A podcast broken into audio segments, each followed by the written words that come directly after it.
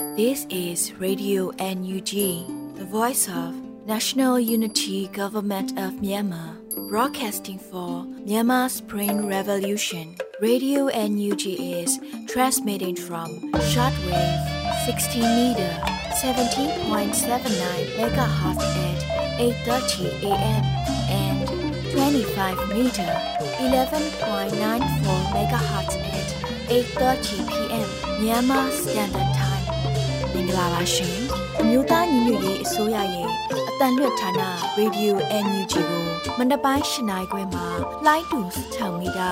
19.3ခွန်ကုန်း MHz နဲ့ညပိုင်း၈နိုင်ခွဲမှာလိုင်းတူ25မီတာ17.3 MHz တို့မှာဓာတ်ရိုက်ဖမ်းယူနားဆင်နိုင်ပါပြီရှင်။မင်္ဂလာအပေါင်းနဲ့ကြိုဆိုကြပါစို့။အခုချိန်ကစပြီး Radio NUG စီစဉ်လေးကိုဓာတ်ရိုက်အတန်နဲ့ပြင်နေပါပြီ။ မြန်မာနိုင်ငံသူနိုင်ငံသားအပေါင်းတဘာဝပြီးဆရာနာရှင်ပြီးတို့ကနေကင်းဝေးပြီးကိုစိတ်နှပါပြီးကင်းလုံခြုံကြပါစေလို့ရေဒီယိုအန်ယူဂျီဖွယ်သားများကဆုတောင်းမြတ်တာပို့သလိုက်ရပါတယ်ရှင်။အခုချိန်ကစပြီးပြည်တွင်းသတင်းများကိုအေရီမှဖတ်ကြားတင်ပြပေးပါတော့မယ်ရှင်။မင်္ဂလာပါရှင်။အခုချိန်ကစပြီးရေဒီယိုအန်ယူဂျီညပိုင်းပြည်တွင်းသတင်းတွေကိုတင်ပြပေးတော့မှာဖြစ်ပါတယ်။ကျွန်မကတော့အေရီပါရှင်။ ပထမဆုံးအနေနဲ့စစ်တပ်ကအာဏာပြန်သိမ်းမှုကြောင့်ပြည်သူလူထုရဲ့စိတ်ကူးမျှော်မှန်းချက်တွေပြတ်သုံးခဲ့ရပြီးတိုင်းပြည်အမှောင်တီပြန်ဖြစ်ရတယ်လို့ယာယီသမ္မတပြောကြားလိုက်တဲ့သတင်းကိုတင်ပြပေးပါမယ်။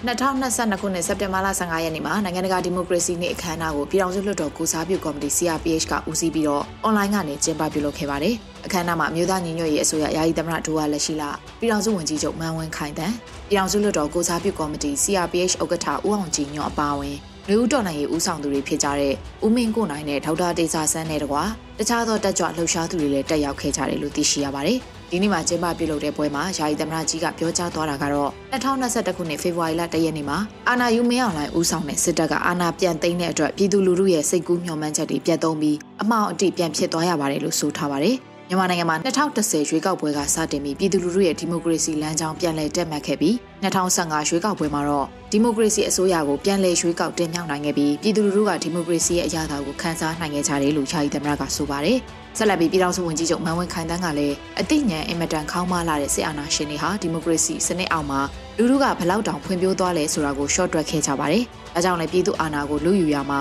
ကြီးမားပြင်းထန်တဲ့ဆန့်ကျင်တော်လှန်မှုတွေနဲ့ကြုံလိုက်ရပါတယ်လို့ပြောကြားသွားပါတယ်ရှင်။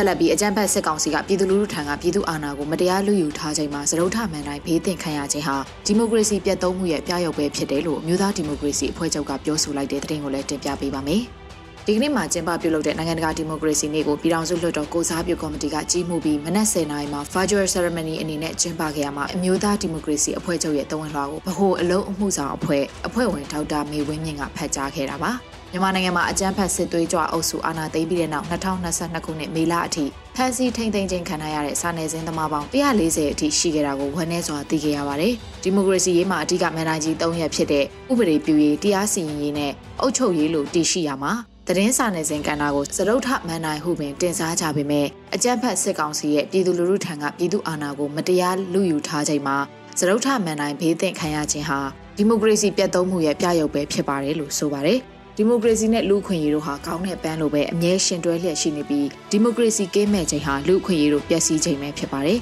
လူခွင့်ရေးစိတ်သုံးမှုနဲ့အတူတရားမဲ့မှုအသင်ချေဟာနောက်ဆက်တွဲလိုက်ပါရစမြဲဖြစ်လေတယ်။အခွင့်အရေးကိုကာကွယ်ကြပါစို့ဒီမိုကရေစီအရေးကိုစောင့်ရှောက်ကြပါစို့ဒီမိုကရေစီခိုင်မာဖို့သတင်းမီဒီယာလွတ်လပ်ခွင့်ကိုကာကွယ်ကြပါစို့လို့တဝန်လွှာကို NLD ပါတီကပါခဲ့တာလည်းဖြစ်ပါတယ်ရှင်။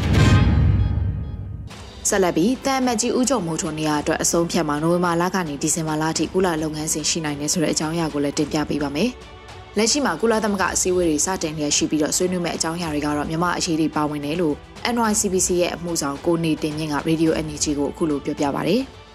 နိုင်ငံတကာကတော့စိတ်ပါဝင်စားနေတာကတော့ကျွန်တော်အမိမြန်မာပြည်မှာရှိတဲ့မြန်မာပြည်သူပြည်သားအားလုံးကလည်းစိတ်ပါဝင်စားနေတဲ့ကုလသမဂ္ဂရဲ့အထွေထွေညီလာခံကြီးပေါ့ UNGA ကြီးကိုစက်တင်ဘာလ23ရက်နေ့မှာ89ကြိမ်မြောက်ညီလာခံကြီးကိုအမေရိကန်နိုင်ငံကုလသမဂ္ဂဌာနချုပ်ရှိတဲ့နယူးယောက်မြို့မှာစတင်ဖွင့်လှစ်တဲ့အချိန်မှာ89ကြိမ်မြောက်ညီလာခံကြီးမှာပေါ့လေသူတို့လှုပ်ထုံးလုံနည်းရာ president အသစ်ကိုရွေးချယ်ပါတယ်အဲ့ဒီ president အသစ်ကပဲအာကျွန်တော်တို့ current channel ပတ်သက်ပြီးတော့ပေါ့လေမြန်မာနိုင်ငံနဲ့ပတ်သက်တဲ့ issue ကို သူတို့ credential committee ဆိုပြီးတော့ဖွဲ့ပြီးတော့ကိုးနိုင်ငံဖွဲ့ပြီးတော့သူတို့ president ကရွေးချယ်ပါတယ်မနေ့ကလည်းအဲကိုးနိုင်ငံစင်းကထွက်လာပြီးပါပြီမြန်မာနိုင်ငံ issue နဲ့ပတ်သက်ပြီးတော့သူတို့ကဆွေးနွေးမယ်တိုင်ပင်မယ်တည်င်းတွေစုဆောင်းမယ်ပြီးတော့သူတို့ဆုံးဖြတ်မယ်ပေါ့အဲအဲ့ဒီ process ကဘယ်လောက်ထိကြာနိုင်တယ်လဲဆိုတော့နိုဝင်ဘာလနောက်ဆုံးပတ်ဒီဇင်ဘာပထမပတ်တိကြာပါလိမ့်မယ်အဲ့ဒီနောက်ဆုံးအနေနဲ့မှဆုံးဖြတ်ချက်တစ်ခုထွက်လာပါလိမ့်မယ် ပြီးခဲ့တဲ့နှစ်ကဆိုရင်နိုဝင်ဘာလကုန်ပေါ့ဒီဇင်ဘာလမှာပဲဒီဆုံးဖြတ်ချက်ထွက်လာတယ်ပေါ့ပြီးခဲ့တဲ့နှစ်ကတော့ defer လုပ်လဲတယ်ပေါ့လေလက်ရှိရှိနေတဲ့ဥကြော်မိုးထွန်းကိုပဲဆက်လက်ထားရှိလဲတယ်ပေါ့ဥကြော်မိုးထွန်းက ဒီမိုစီအစိုးရဖြစ်တဲ့ဒေါ်အောင်ဆန်းစုကြည်အစိုးရလက်ထက်ကတရားဝင်ခံထားခြင်းဖြစ်တဲ့2021ခုနှစ်ဖေဖော်ဝါရီလ1ရက်နေ့အာဏာသိမ်းတဲ့အခါမှာတရားဝင် legitimacy က IUG ပေါ်ထွက်လာတဲ့အခါမှာလဲ IUG ကအတိမတ်ပြုပြီးတော့လက်ခံပြီးတော့ဆက်လက်ပြီးတော့ဥကြုံမတို့ကိုဆက်လက်ထားရှိထားတယ်ဒီ89ကြိမ်မြောက်ကျွန်တော် UNGA မှာထပ်ပြီးတော့ဆုံးဖြတ်မှာဖြစ်တယ်ဆုံးဖြတ်တဲ့အခါမှာ Credential Campaign နဲ့ပတ်သက်ပြီးတော့လှုပ်ဆောင်ရမယ့်အချက်လေးချက်ရှိရပေါ့ တစ်ချက်ကတော့ဥကြုံမိုးထွန်းကိုပဲပြက်ပြက်တသားအားလုံးဆုံးဖြတ်ပြီးတော့သူတို့ထောက်ခံလဲလဲလက်ခံလဲတာနံပါတ်1ချက်ပေါ့နံပါတ်2ချက်ကတော့ဥကြုံမိုးထွန်းကိုပေါ့သူတို့ဆုံးလဲမဆုံးဖြတ်ဘူးဘာမှလည်းမလုပ်ဘဲနဲ့ပြီးခဲ့တဲ့နှစ်ကအတိုင်းဒီဖာလုပ်လက်တယ်ပေါ့နောက်နှစ်ကိုရွှေ့လက်တယ်ဒီတိုင်းပဲဥကြုံမိုးထွန်းကိုဆက်လက်ထားရှိလက်တယ်ပေါ့နံပါတ်3ချက်ကတော့စစ်ချမ်းပဲအုပ်စုကတင်သွင်းတဲ့သူကိုလက်ခံလက်တာပေါ့ဥကြုံမိုးထွန်းကိုပါလက်လက်တာပေါ့လေ နံပါတ်၄ချက်ကတော့ဥချော်မိုးထွန်းကိုလည်းလက်မခံဘူးစစ်ကြမ်းပဲအုပ်စုကတင်ထားတဲ့သူကိုလည်းလက်မခံပဲနဲ့နှစ်ခုစလုံးလုံးပတ်လက်လက်တာပေါ့တစ်နဲ့နှစ်ကိုပဲကျွန်တော်တို့ကဖြစ်နိုင်အောင်စူးစမ်းနေတယ်ဒီစက်တဘာလ18ရက်နေ့မှာလည်းအရှိချမ်းပဲချမ်းမှာဆိုရင်နယူးယောက်မှာပေါ့လေပြည်နယ်အသီးသီးကလာပြီးတော့ဥကြော်မိုးထွန်းပေါ်မြန်မာမြန်မာဖော်ဥကြော်မိုးထွန်းဆိုတဲ့အတိုင်းပဲဥကြော်မိုးထွန်းကိုပေါ့ဆက်လက်ထားရှိရေးအတွက်ကိုကျွန်တော်တို့အားလုံးကအာချီတဲ့ဆန္ဒပြဖော်ထုတ်မှာဖြစ်တယ် နောက်ချမ်းမှာဆိုဆန်ဖရန်စစ္စကိုမှာလည်းအနောက်ဘက်ချမ်းကပြည်နယ်တွေကပူးပေါင်းပြီးတော့လည်းလှုပ်ဆောင်မှာဖြစ်တယ်။ဒါ့အပြင်နိုင်ငံတကာတွေကလည်းဒီစက်တင်ဘာလ18ရက်နေ့မှာပဲမြန်မာ for ဥကြုံမိုးထွန်းဥကြုံမိုး for မြန်မာဆိုပြီးတော့နိုင်ငံအသီးသီးရတက်ဆိုင်ရာအစိုးရတွေခေါင်းဆောင်တွေကိုပြောပြမယ်ဆိုပြမယ်တိတ်မှန်နေပေးပို့မယ်ပေါ့လေ အကောင်းဆုံးကိုမျှော်လင့်ထားပြီးတော့အဆိုးဆုံးအတွက်လည်းကျွန်တော်တို့ကမရှိဘူးပေါ့ဘူးကရှိကောင်းရှိနိုင်ပါတယ်အဲ့အတွက်လည်းကျွန်တော်တို့ကဘာတွေလုံးတင်တယ်လဲဆိုတာလည်းကျွန်တော်တို့ရဲ့ဒီတအူးထိတ်မှာရှိနေတဲ့အယုံကြည်အစိုးရကလည်းအားလုံးပဲပေါင်းစုံကတွေးခေါ်ပြီးတော့စဉ်းစားဆုံးဖြတ်ထားတာလည်းရှိပါတယ်အခုဆိုကျွန်တော်တို့က Credential Committee ကိုနိုင်ငံကိုတည်သွားပြီးရအတွက်အဲ့ဒီအတွက်လည်းကျွန်တော်တို့ရဲ့ဥချုံမိုးထွန်းတာမကပဲ IOG ကနိုင်ငံခြားရေးဝန်ကြီးတွေလည်းအလုံး reach out လုပ်ပြီးတော့ဥချုံမိုးထွန်းကကုလသမဂ္ဂဆယ်မြစ်ပေါ်မှာရှိသင့်ပါတယ်ဆိုပြီးတော့ကျွန်တော်လှုပ်ဆောင်ခြင်းဖြစ်ပါတယ် ကုလသမဂ္ဂအစည်းအဝေးမှာမြန်မာတမန်ကြီးနေရာအတွက်အဖွဲ့ဖွဲ့ပြီးစဉ်းစားဆုံးဖြတ်မှာဖြစ်ပြီးတော့ရွေးချယ်နိုင်စရာအချက်၄ချက်ရှိတယ်လို့လည်းသိရှိရပါတယ်ရှင်။ပြည်သူရဲ့တော်လှန်ရေးမှာအကောင်းဆုံးပါဝင်ပြီးတာဝန်ကျေခြင်းသေးတယ်လို့လူခွင့်ရေးရဝန်ကြီးပြောကြားလိုက်တဲ့သတင်းကိုတင်ပြပေးပါအောင်မယ်။ စက်တင်ဘာလ15ရက်နေ့မှာလူခွင့်ရေးရဝန်ကြီးဦးအောင်မျိုးမင်းကလူမှုကွန်ရက်ကနေအခုလိုပြောဆိုလိုက်တာပါ။လွန်ခဲ့တဲ့6နှစ်ကလူတယောက်ကနေစကားလက်ဆောင်ပေးလိုက်တဲ့အမှားစကားပါ။အခုလက်ရှိအခြေအနေမှာတော့အလုပ်ကိုတေးအောင်မလုပ်ဘဲတေးတဲ့အထိလုံနိုင်အောင်နေထိုင်လုပ်ကိုင်နေပါတယ်။အပြစ်မဲ့ပြည်သူတွေကိုရာဇဝဲမှုတွေကျူးလွန်နေတဲ့အကြမ်းဖက်တွေကိုမဖယ်ရှားနိုင်မချင်းပြည်သူတွေအတွက်တရားမျှတမှုမဆောင်ကျဉ်ပေးနိုင်မချင်းမသေးခြင်းသေးပါဘူး။ကိုကိုသေးစေခြင်းနေတဲ့ရန်သူတွေချားမှာမသေးအောင်နေခြင်းကတော်လန်ရေးပဲဆိုသလိုပေါ့။တစ်ဖက်ကလည်းပြည်သူတွေရဲ့တော်လှန်ရေးမှာအကောင်းဆုံးပါဝင်ပြီးတာဝန်ကြီးခြင်းသေးတယ်လို့ဆိုပါတယ်။ လူခွင့်ရေးရဝန်ကြီးဌာနဟာစစ်ကောင်စီတပ်တွေကျူးလွန်တပ်ဖြတ်မှုတွေကိုမှတ်တမ်းပြုစုပြီးနိုင်ငံတကာရာဇဝတ်ခုံရုံးတွေမှာတရားစွဲဆိုနိုင်ရေးအတွက်ကြိုးပမ်းလှုံ့ဆော်မှုရရှိနေတာလည်းဖြစ်ပါတယ်ရှင်။ကမ္ဘာအိုဆုံးလွှာကာကွယ်ထိန်းသိမ်းရေးနဲ့အထိတ်မှတ်ဆွေးနွေးပွဲကိုလျှက်စစ်ဝန်ကြီးနဲ့စီးပွားရေးနဲ့ကိုတန်းရောင်းဝယ်ဝန်ကြီးတို့ပါဝင်ဆွေးနွေးကြမယ်ဆိုတဲ့သတင်းကိုလည်းတင်ပြပေးပါအောင်မယ်။ ကမ္ဘာအိုဆုံးလွှာကာကွယ်ထိန်းသိမ်းရေးနှင့်အထိမ်းမှတ်ဆွေးနွေးပွဲမှာလျှက်စစ်ဝန်ကြီးနဲ့စီးပွားရေးနဲ့ကိုတန်းရောင်းဝယ်ဝန်ကြီးတို့ပါဝင်ဆွေးနွေးမယ်လို့သတင်းရရှိပါတယ်။2022ခုနှစ်စက်တင်ဘာလ16ရက်နေ့မှာကြာရောက်မဲ့ကမ္ဘာအိုဆုံးလွှာကာကွယ်ထိန်းသိမ်းရေးနှင့်အထိမ်းမှတ်ဖြစ်တက်ရှိမြေကမ္ဘာရှင်တန်ရေးအိုဆုံးလွှာကိုပူးပေါင်းကာကွယ်ပေးခေါင်းစဉ်နဲ့ဆွေးနွေးပွဲတစ်ရက်ကိုစက်တင်ဘာလ16ရက်နေ့တောက်ကြနေ့မြန်မာစံတော်ချိန်ည9:00နာရီမှာကျင်းပသွားမှာဖြစ်ပါတယ်။တော်လန်ပြည်သူတွေအနေနဲ့လူသားတို့ရှင်တန်ရက်တည်ရေးအတွက်အကျိုးပြုနေတဲ့အိုဆုံးလွှာရဲ့အရေးပါမှုကိုသိရှိစေဖို့ စစ်ကောင်စီရဲ့အာဏာသိမ်းရက်ဆက်ကြမ်းကြုတ်မှုအောက်မှာတဘာဝပတ်ဝန်းကျင်တရက်လုံးနဲ့အိုဆုံးလွှာကိုပုံမှုပျက်စီးယိုယွင်းတဲ့အခြေအနေတွေကိုဥတည်နေမှုကိုပုံမှုသိရှိလာစေဖို့ရည်ရွယ်ကျင်းပတာဖြစ်တယ်လို့လည်းသိရှိရပါတယ်။ဆွေးနွေးပွဲမှာအမျိုးသားညီညွတ်ရေးအစိုးရပြည်စစ်နဲ့စွမ်းရည်ဝန်ကြီးဌာနပြည်ထောင်စုဝန်ကြီးဦးစိုးသူရထွန်းနဲ့စီးပွားရေးနဲ့ကိုတန်းရောင်းဝယ်ဝန်ကြီးဌာနပြည်ထောင်စုဝန်ကြီးဒေါက်ခင်မမမျိုးတို့ကဆွေးနွေးပြောကြားသွားမှာဖြစ်ပြီး moderator အဖြစ် PPTV မှအစီအစဉ်တင်ဆက်သူတလေးမြို့နယ်တိုင်းဒေသကြီးလွှတ်တော်ကိုယ်စားလှယ်ဖြစ်တဲ့မတ်တန့်ဝေကျော်ကပါဝင်အားဖြည့်သွားမှာဖြစ်တယ်လို့လည်းသတင်းရရှိပါရရှင်။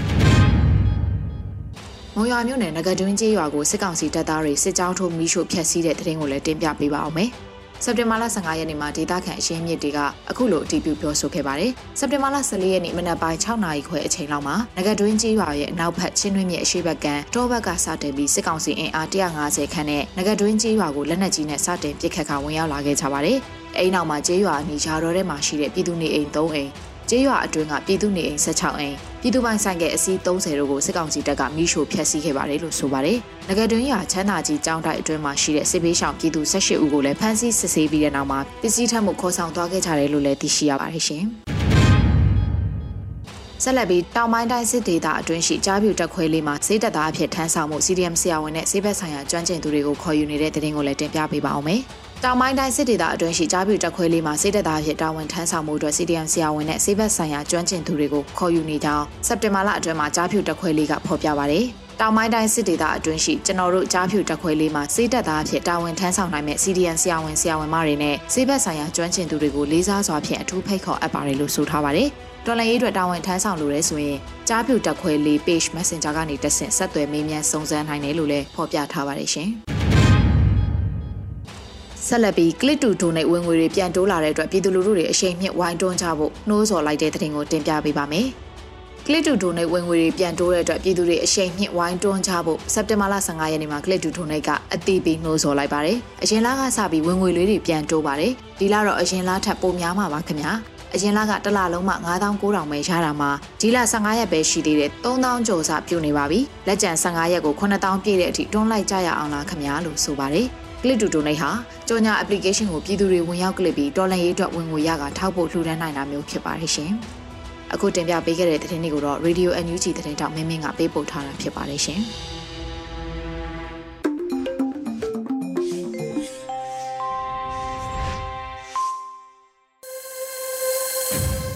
ရေဒီယိုအန်ယူဂျီမှာဆက်လက်တမ်းလွှင့်ပေးနေပါတယ်။ ဒီနေ့ရဲ့တော်လိုင်းကဗျာအစီအစဉ်မှာတော့လူခါခါရေးသားပြီးຫນွေဦးလွင်ဖက်ကြားရစ်ဆိုထားတဲ့ဒီຫນွေဦးအရေးဟာငါတို့အရေးပဲကိုလူလို့အမည်ရတဲ့တော်လိုင်းကဗျာကိုနားဆင်ကြရတော့မှာဖြစ်ပါတယ်ရှင်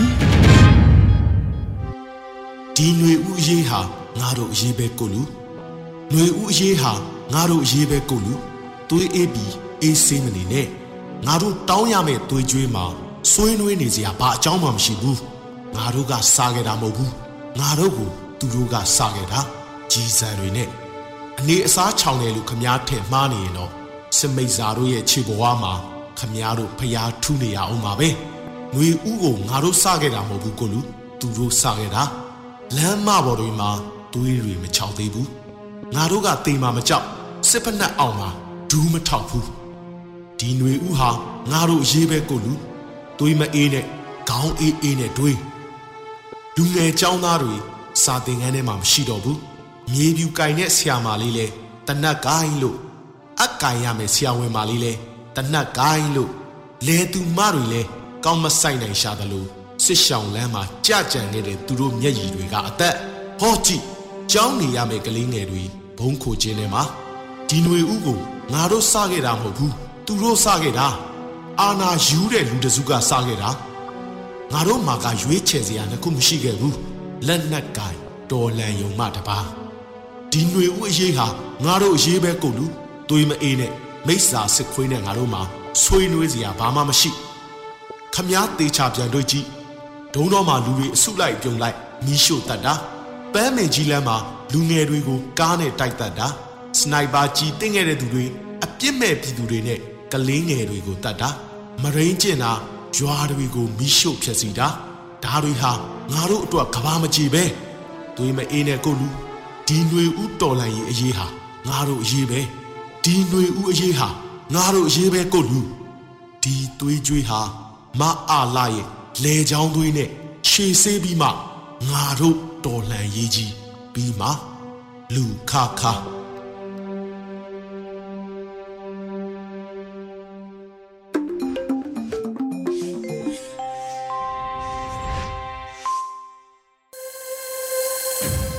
ရေဒီယိုအန်ယူဂျီမှာဆက်လက်တမ်းလွှင့်ပေးနေပါတယ်။အမျိုးသမီးကဏ္ဍအနေနဲ့ Flora Han တင်ဆက်ထားတဲ့တော်လန်ကြီးရဲ့အောင်မြင်ခြင်းအလှကပါအပိုင်း23ကိုနားဆင်ကြရတော့မှာဖြစ်ပါတယ်ရှင်။အားလုံးပဲမင်္ဂလာပါရှင်။ယခုတစ်ပတ်မျိုးသမီးများကဏ္ဍမှာတော့ကျမတို့အမျိုးသမီးတူများရဲ့တွေးဆုံရင်းနှီးမှုများမှရလာသည့်အတွေ့အကြုံများကို အများပြည်သူများသိရှိနိုင်ဖို့ဝေမျှပေးကြပါတယ်။ အမျိုးသမီးကဏ္ဍဆိုတော့အမျိုးသမီးများရဲ့ခွန်အားတတိတွေအကြောင်းလို့ဆိုရင်မှားမယ်မထင်ပါဘူး။တရက်ကပဲကျမနဲ့ရမတ်ချင်းတူသလိုလို့ဖို့ကိုင်းပဲလဲဖြစ်တဲ့သူငယ်ချင်းနဲ့စကားတွေပြောပြကြတယ်။စကားဆိုတာထက်ဒေါ်လာရင်းမှာပါဝင်နိုင်ဖို့ရှေ့ဆက်ရမယ်မိမိတို့ဘဝတက်သားမကတားငယ်တငမီးငယ်များရဲ့နာဂတ်ရှည်ကိုလည်းအရေးချင်းရှိသူများစိတ်တက်ကြံ့ခိုင်သူများဖြစ်ဖို့ စူးစမ်းနေကြဖို့ဘလို့ဆောင်ရွက်ကြမယ်ဆိုတာလေးကိုလည်းပြောဖြစ်ခဲ့ကြတယ်မိမိတို့ကိုစီမားကတားငယ်သမီးငယ်များရှိကြတော့တားငယ်သမီးငယ်အကြောင်းတွေပြောပြကြပါတယ်ကျမတငယ်ချင်းရဲ့သမီးလေးကတက္ကသိုလ်ဝန်ထမ်းအောင်မင်းသူလေးဆိုတော့မိခင်အတွက်ဝန်တော့ဝန်ဖို့မဖြစ်လေအောင်ဆိုတဲ့အသိရှိသူကလေးငယ်တဦးကသူ့မှာရှိသည့်ရှိထိုက်တဲ့အရေးချင်းလေးဖြင့်ဤပညာကိုသုံးပြုလို့ online class တွေကိုအားသွန်ခွန်ဆိုင်စ조사တက်နေရှာတယ်ဆိုတဲ့အကြောင်းပြောပြတော့ကလေးငယ်အတွက်ဝမ်းသာမိတာမှန်ပါဒါပြင်တလောကအကြောင်းမျိုးမျိုးကြောင့်ပညာရေးကဏ္ဍမှာအဖြစ်ပြက်ဆိုးနဲ့ကြုံတွေ့ခဲ့ရလို့ကလေးငယ်တော်များများလဲပညာရေးနဲ့ပတ်သက်ပြီးအတော်ကိုဖျို့ဖျဲဖြစ်ခဲ့ရပါတယ်။အဲ့ဒီလိုအခြေအနေများမှာကျမရဲ့တငယ်ချင်းသမီးလေးလဲအစင်မပြေဖြစ်ခဲ့ရတာပါပဲ။ မက်ထရစ်တန်ကိုတက်မဲ့ကလေးငယ်တယောက်ရဲ့မျောလင်းချက်ရောင်ကြီးလေးစိတ်သုံးခဲ့ရပါတယ်။ဒီလိုအခက်ခဲတွေကြားမှာကျမတို့အမျိုးသမီးများကအားလျှော့ဖို့နေနေသားသားဘလို့ပညာရေးနဲ့ဒုရေသားသမီးတွေကိုရှေ့ဆက်ကြမယ်ဆိုတာစီမံချက်တွေဆွဲပြီးအကောင့်ထဲပေါ်နိုင်အောင်စူးစမ်းနေတယ်ဆိုတာလေးလည်းပြောပြကြလိရဲ့တခါတခါမတူညီတဲ့လူပောင်ပတ်ဝန်းကျင်မှာ ဒန်းလူညီမျှလူခွင့်ရေးရဖို့စူးစမ်းနေသူတွေအတွက်တော့ခရီးကပန်းတယ်လို့ငွေကြေးကဏ္ဍလေးများရှိလာပြန်တော့မိမိတို့အနေထားကိုပိုပြီးစ조사ရက်တည်လာကြရပါတယ်။ဒါကတော့ယနေ့အချိန်မှာလက်တွေ့အနေထားများကသက်သေတွေပါပဲ။အခုလိုလက်တွေ့အနေထားမှာမိမိတို့ရှေ့ဆက်ရမယ့်ခရီးမှာအခက်အခဲတွေကြော်ဖြတ်နိုင်ဖို့မိမိတို့တက်ကြွသည့်လက်မှုအတက်ပညာသမကရခင်က ဝန်ထမ်းဘဝယာဒူးကုံစီးစိမ်ဆိုတာတွေကိုဆွလွန်ကြလို့ယနေ့ချိန်မှာတမအာစီဝါကြကြဈေးရောင်းဈေးဝယ်လုပ်ကြပြီးမိသားစုဘဝတွေမှာရှင်သန်နေကြသူတွေလည်းအများကြီးရှိကြပါတယ်။အဲ့လိုရှင်သန်နိုင်ဖို့ဆိုတာစိတ်တက်ကြံ့ခိုင်မှုနဲ့အတူဇွဲလုံလတတိဉာဏ်ရည်ဉာဏ်စွမ်းများကမိမိတို့ရဲ့ဘဝကိုကောင်းသည့်ထက်ကောင်းနိုင်ဖို့ ဖြည့်ဆွက်ပေးနိုင်မှသာယခုလိုအခြေအနေကိုဖျက်ကျော်နိုင်ကြမှာဖြစ်ပါတယ်။ဒီလိုပါပဲ။ကျမတို့ရဲ့ဒေါ်လန်ရေးရဲ့ရုန်းကန်အားတွေကိုတယောက်နဲ့တယောက်အားကြနေကြတယ်တယောက်ကိုတယောက်လည်းကူညီချင်ကြတယ်အခုလိုစိတ်ဓာတ်တွေဟာတော်လန်ရေးကာလမှာမတူကွဲပြားလူသားတိုင်းရရှိမဲ့ဒန်းတူညီမျှတဲ့အခွင့်အရေးဆိုသည့်အတိတ်ပဲဖော်ဆောင်မှုကို ကောင်းကောင်းသိရှိသွားကြလို့လည်းဖြစ်ပါတယ်။ဒါအပြင်ကျမတို့နဲ့အဝေးတနေရာမှာရောက်နေကြတဲ့ကျဲလေးတွေကိုရေးတွက်ပြီးဆူတောင်းမြတ်တာပို့တာကြမယ်မိခင်များရဲ့မေတ္တာတရားနဲ့သစ္စာတရားကိုလည်းကျမတို့ပြည်သူတယောက်ချင်းစီအနေနဲ့ဝိုင်းဝန်းဆုတောင်းပြီးမေတ္တာပို့ပေးဖို့လိုအပ်ပါတယ်။ကြယ်လေးတွေနေမကောင်းမကြမ်းမမာတဲ့အချိန်မှာပဲဖြစ်ဖြစ်ဖုံးငိုင်းမရခြင်းမစိမ့်နိုင်တဲ့မီးစိမ့်လေးကိုပဲဖြစ်ဖြစ် ကျမမြင်ဝန်းထဲမှာစိမ့်ရောင်လေးတွေ့ရရင်တည်င်းမိရတာအမောပါပဲ။တနည်းကတော့ကျမတဲ့ကျဲလေးကကောင်းကင်ကြီးကကျဲတွေကိုရေတွဲရင်းအိမ်ပြန်လန်းကိုမျှော်တွေးနေတယ်ဆိုတော့ကျမရင်ထဲမှာနှင်ခနဲ့ခံစားလိုက်ရပါတယ်။ကျမအတွက်တော့ကျဲလေးဟာမိမိဘဝအတွက်စိုးသီးထက်အများအကျိုးအတွက်ကိုကြိုးစွနိုင်သူတယောက်ဖြစ်တဲ့အတွက် ကျဲလေးရဲ့ရှေ့ဆက်ရမယ့်ခရီးကိုလည်းမိခင်တယောက်အဖြစ်စိတ်ချယုံကြည်ခဲ့တယ်လို့ကျမဘဝရဲ့ပေးဆက်မှုများအတွက်အမြဲဂုဏ်ယူခဲ့ရပါတယ်။ယခုချိန်မှာဆိုကျမတို့အမျိုးသမီးတူကြီးရဲ့အားအင်တွေကြောင့်တော်လိုင်းရေးခရီးအတွက် ဝန်းရံမှုအားတွေဟာကြော့ကျသွားတယ်ဆိုတာမရှိခဲ့ပါဘူးဒီလိုရှေ့ဆက်ချီတက်နိုင်ကြဖို့ဆိုတာကလည်းမလျှော့သောဇွဲတက်တိစိတ်သက်ခွန်အားပြည့်နဲ့စ조사ခဲ့ကြလို့ဆိုတာယခုလက်ရှိမြေပြင်အခြေအနေရဲ့အရှိတရားတစ်ခုကသက်သေပါပဲကျမအတွက်ပန်းနိုင်ခရီးနီးလေးလေးပန်းဝင်နိုင်ဖို့ပို့ပြေးရလေပါဒီလိုပါပဲတော်လန်ရေးရဲ့အောင်မြင်မှုအလားကဘာဆိုတာကကျမတို့အတွက် မရှိမဖြစ်လိုအပ်တဲ့နာကက်ကဘာဖြစ်တာကြောင့်ပြည်သူများအားလုံးဒီထက်မကဝိုင်းဝန်းပါဝင်စုစည်းပေးကြပါလို့တိုက်တွန်းနှိုးဆော်လိုက်ရပါတယ်ရှင်အားလုံးကိုကျေးဇူးတင်ပါတယ်ရှင်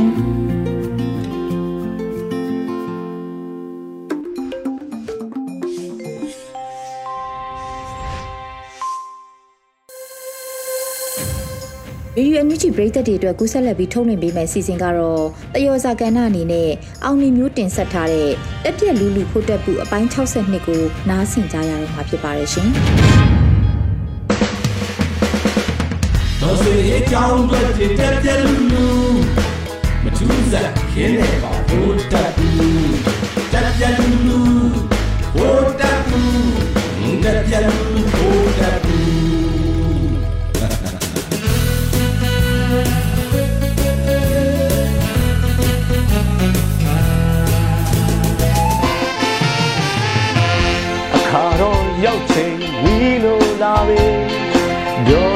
မမ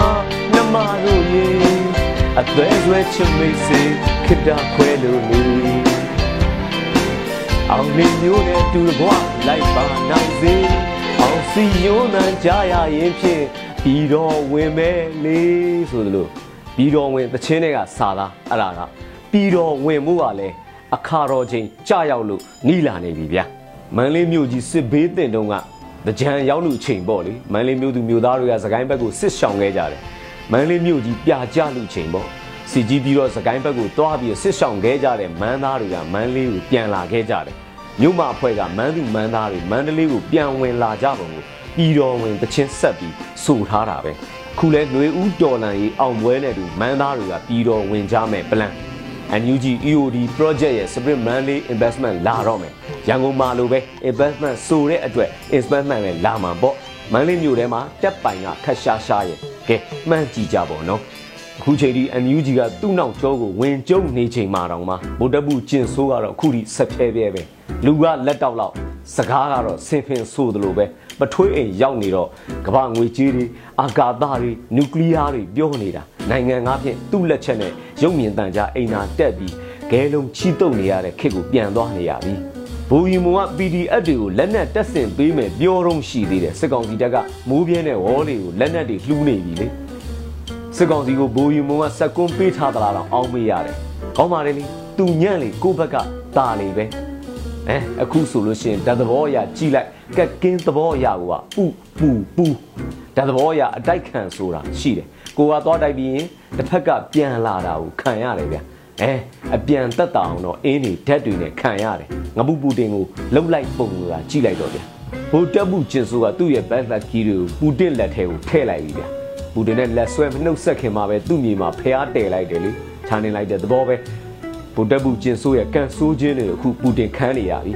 ယူကရိန်းတပ်ဖွဲ့ဝင်တွေရဲ့အကောင့်တာအတက်ကြောင့်ရက်စကီတွေနောက်ဆုတ်နေကြတယ်ခုဆိုရင်ရုရှားတပ်တွေတဲ့ အရန်အရေးကြီးတဲ့ထောက်ပို့လမ်းကြောင်းလမ်းစုံမြို့ကိုယူကရိန်းတပ်တွေကပြန်သိမ်းပိုက်လိုက်နိုင်တယ်ရုရှားတပ်တွေထောက်ပို့ပြတ်သွားပြီဆိုရင် AA နယ်တဲ့စစ်ကောင်စီတပ်တွေရဲ့ဘဝတွေလိုဖြစ်နေမှာပဲကဲခုဆိုလဲကြည့်လိုက်ရုရှားထောက်ခံပွဲကပြန်လာတဲ့9000စာမင်းအွန်လိုင်းရဲ့အဖြစ်ကိုလေဒီနေ့ကနေဘူးတော့လေစိတ်တဝိုက်မှာ9000စာတွေတယုံယုံနဲ့ဘာမှန်းဖြစ်ကြတဲ့ဆိုပြီးကြည့်လိုက်တော့တက်ပြက်မှာဂျိုယုံနဲ့ဘူလုံနေတဲ့ဘူတက်ပူတယောက်ရုရှားကပြန်ရောက်လာတာမို့လို့ကြိုးစုဂုံပြူကြဆိုပဲဟုတ်ပါ လက်တူလက်တောင်းပဲလှုပ်ရလှုပ်ရဘယ်နေရာကပဲပါရပါရရုရှားအာဏာရှင်မာဖီးယားပူတင်ရဲ့ဂိုင်းဝင်ဖြစ်ချင်လို့လို့ရုရှားကိုမဖိတ်ဖဲလဲသွားဖိတ်လဲသွားနေရတယ်ပူတင်ရက်ွက်ထဲမှာခြေတူချောင်းပေါက်မတက်သွားနေရတယ်ခြေသလုံးဖက်မတက်တွေ့ကပ်နေရင်တော့ခုတော့ဘူတက်ပူတယောက်စူတောင်းပြေးသွားရှာပြီပေါ့ဒါနဲ့တော်ယုံတန်ယုံလူမထင်တဲ့ပူတင်တယောက်ဘူတက်ပူကိုဘလို့များမျက်စိကျသွားတယ်လဲဆိုပြီးမေးမြန်းစုံစမ်းကြည့်လိုက်တော့ဟော အဖြစ်ကဒီလိုကိုဆိုပြီးခွတ်ထိုးခွက်လန်တော့ရီမိတဗျာကောင်းရောနိုင်ငံတကာယင်းနှမြုံနှံမှုတွေမြင့်တင်ဖို့ဆိုတဲ့ရရည်ရွယ်ချက်နဲ့2015ကနေစပြီးရုရှားမှာနှစ်တိုင်းခင်းကျင်းလာခဲ့တဲ့အရှိပြားစီးပွားရေးဖိုရမ်ကြီးရှိတယ်ဗျာနှစ်တိုင်းနှစ်တိုင်းအာရှကတကယ်စီးပွားရေးတောင့်တင်းခိုင်မာတဲ့နိုင်ငံကြီးတွေဖြစ်တဲ့တရုတ်ဂျပန်တောင်ကိုရီးယားအိန္ဒိယနိုင်ငံတွေကဝန်ကြီးချုပ်တွေလို့တကယ်နိုင်ငံထိပ်တန်းခေါင်းဆောင်တွေကပင့်ဖိတ်ပြီးတော့ ဖိုရမ်ကိုတိတ်ထိတင်ခဲ့ကြတာကိုဗျဒီနှစ်တော့မာဖီးယားပူတင်ရဲ့လူမိုက်ကွက်နဲ့အိမ်နီးချင်းယူကရိန်းကိုစကြက်တိုးချဲဖို့စ조사ရကနေနိုင်ငံတကာနဲ့ထိတ်တိုက်တိုးပါလေရောလားရုရှားကိုအဖက်ဖက်ကပိတ်ဆို့ဆန့်ကျင်ရေးအတွက်ပြည်နေရှုံချမှုတွေကဘာတဝမ်းမှာညာတန်တွေပေးလာကြလေရောဗျာဒါနဲ့ဒီနေ့ဖိုရမ်မှာတော့ကြီးနဲ့ဖုတ်ဖို့ဖြစ်မဲ့အတူတူငါနဲ့အတူတူတဝိုင်းနဲ့ထိုင်မဲ့သူဘယ်သူရှိမလဲဟေးရှာကြည်စမ်းဆိုပြီးတော့ရှာလိုက်တော့ ဖះပဲထီးတင်လာသလိုလိုထီးတင်ရင်းနဲ့ပဲဖက်မေ့ကြံခဲ့သလိုလိုနဲ့ဂရီဂရီဝင်ထွက်နေတဲ့ဘူတက်ပူတတိုက်ကိုမြင်တော့တာပဲပူတင်လည်းအကြံရသွားတဲ့ဒီကောင်ကတော့သူ့ကိုယ်သူဝင်းကြီးကျုပ်ဆိုပြီးနာမည်တက်ထားတာမဟုတ်လားဆိုပြီးစင်ပေါ်မှာအိမ်ဖြစ်အနေနဲ့ခေါ်တင်လိုက်တယ်ဖိတ်ခံရတဲ့ဘူတက်ပူတယောက်ရေရတကူကြောင်မဲလားရုရှားမာဖီးယားလူမိုက်ဂိုင်းဝင်ဘဝနဲ့ဇက်သိန်းရင်လို့အကြောင်းဖန်လာသလားတော့မသိဘူးသူလွန်ဖူးကျင်တဲ့ပူတင်ဖျားကိုတော့ဖူးခွင့်ရသွားရှာပြီဗျာ တွေးဝင်ရပြန်တော့လဲထုံးစံအတိုင်းကိုစီကပတ်စံတွေနဲ့သူ့စီကဓာတ်စီဒီဇယ်လေးဝယ်ပြီးပြန်ခဲ့ရတာပါပဲမစားရဝါခမန်းလေးလာစမ်းစစ်ကြည့်ပါအောင်မယ်ဆိုတဲ့နျူကလ িয়ার စွမ်းအင်လေလေချင်းကိုတဝါကြီးရှူခဲ့ပြီးမြန်မာပြည်ကိုပြန်ခဲ့ရတာပဲမြန်မာပြည်မှာလည်းကြံခဲ့တဲ့သူ့ရဲ့တက်ထောက်ခံတဲ့ဟာတွေကိုတဝါရှူကိုပါဆယ်လေးပါဆွဲခဲ့သေးတယ်ဗျတကယ်တော့ပူတင်ထိုးထားတဲ့စင်မော်တက်ပြီးလက်အုပ်ကလေးချီရင်ပူတင်ကို ခေါင်းဆောင်ကြီးခေါင်းဆောင်ကြီးနဲ့ပူဇော်ပသပြီးပူတင်ကိုနေကစားတင်းနေရတာပါပဲသူတစ်ပါးတိုင်းပြည်ကိုလက်နက်ကိုင်းကျူးကျော်ထိပါတဲ့ကျူးကျော်ရည်သမားကိုကိုးကွယ်ရတဲ့နောက်လိုက်အနေနဲ့မြန်မာနိုင်ငံကိုကမ္ဘာလယ်မှာတိတ်ခချခဲ့တဲ့သူဒါကိုတော့မှသူ့ထောက်ခံတဲ့သူတွေကဘူတက်ပူကိုကမ္ဘာလယ်မှာဂုံဝင့်ထဲသူကြီးဆိုပဲခေါင်းပါတယ်အစကတည်းကလည်းဘူတက်ပူလေးရဲ့နိုင်ငံရေးဟာတက်ထောက်ခံသူ9000သားတွေနဲ့စတင်ပြီးထူထောင်ထားတာကို ပူတင်ကစီးပွားရေးဖိုရမ်ဆိုပြီးခေါင်းစဉ်တက်ပြီးကဘာကြီးကိုအာခံဖို့လုပ်တဲ့ရုရှားထောက်ခံပွဲကိုတွားပြီးဝိုင်းရံရတဲ့ဗိုလ်တပ်ပူလေးမင်းအောင်လိုင်ဟာလဲရုရှားထောက်ခံပွဲပြန်ပူတင်ရဲ့9000သားတွေဖြစ်ရတာပေါ့ကျွတ်ကျွတ်ကျွတ်ဖြစ်ရလေဗိုလ်တပ်ပူလေးခုတော့ဗိုလ်တပ်ပူခမမှာလဲဖွတ်ထွက်မှာတောင်ပူမန်းသိရလောက်ပြီးထင်ပါတယ်တဲပြီးတဲ့ဖះလရပဲနာနာဆိုသလိုသူဆရာတင်ထားတဲ့ပူတင်ကလည်းအရေးမလားပြေးရမယ်ဘဝကိုရောက်နေရရှာပြီလေ ဖိုးဖိုးချင်းအပြီးလိန်အပြီးခိန်ရတော့မယ်ဂိမ်းဆိုင်နေပြီအဲဒါကြောင့်ထင်ပါတယ်ဘူတက်ပူခမမှာသူသွားတိုက်ရင်တံပြန်ဓာတ်သဘောနဲ့ဖြစ်တတ်တဲ့အတွက်ငပုကပူတင်ကိုဒုက္ခပေးပြီးတကာလမှာပဲစစ်ကောင်စီအပူးတွေလဲတက်မှတွေဂိန်ကုန်ကြပြီကရင်နီမှာ66ကရင်နယ်မှာ44ရခိုင်မှာ89ရှမ်းပြည်မှာ88 99စသည်ဖြင့်ပေါ်လေတမ44ဆိုရင်တမင်များအဖမ်းခံနေသလားတော့ထင်ရတဲ့အဖြစ် ပဲတမ66ဆိုရင်ကရင်နီမှာဖွဲ့စည်းပုံကပြတ်နေပြီပူပူပူဆိုလိုပဲအပူးတွေခံရတဲ့အလှဲ့ပူချင်းခံရနောက်ဆုံးခံရဆုံးကတော့ပူစစ်ကောင်စီတက်တွေလှိမ့်ခံနေရတော့တာပဲကဲ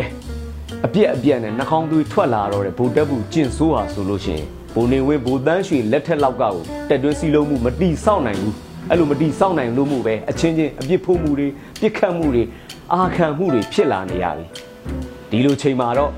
ဗိုလ်တက်မှုအခက် PDF အချက်ပဲဖြစ်လာနေပြီဗျာအခုလိုအချိန်ခါမျိုးမှာစစ်ဘောမတို့ငါတို့ဘက်ကိုရိမ့်လိုက်လို့ရှင်ပွဲကသိမ့်နေပြီအခွင့်အာတော့မှမလိုက်ရင်ဖြင့်နင်းအပြင်အမိုက်ဘဲမှာရှိရောမလဲဖြစ်လိမ့်မယ်နော်အဲဒါပေမဲ့သေးကြတာတစ်ခုထပ်ပြောမယ်တင်းတို့မပါလဲပွဲကနိုင်နေနိုင်နေအရေးတော်ပုံမှာအောင်ပြီ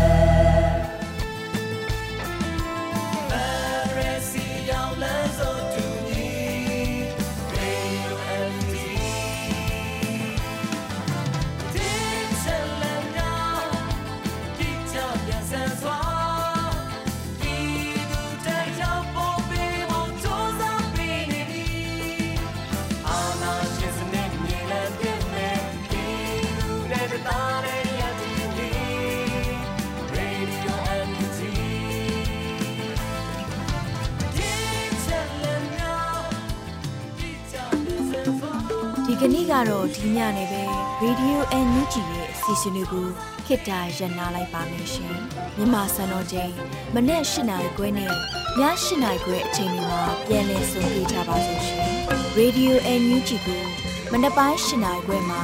လိုင်းတူ16မီတာ19.7 MHz နဲ့ညပိုင်း၈နာရီခွဲမှာလိုင်းတူ25မီတာ17.6 MHz တို့မှာဓာတ်ရိုက်ဖမ်းယူနားဆင်နိုင်ပါပြီရှင်။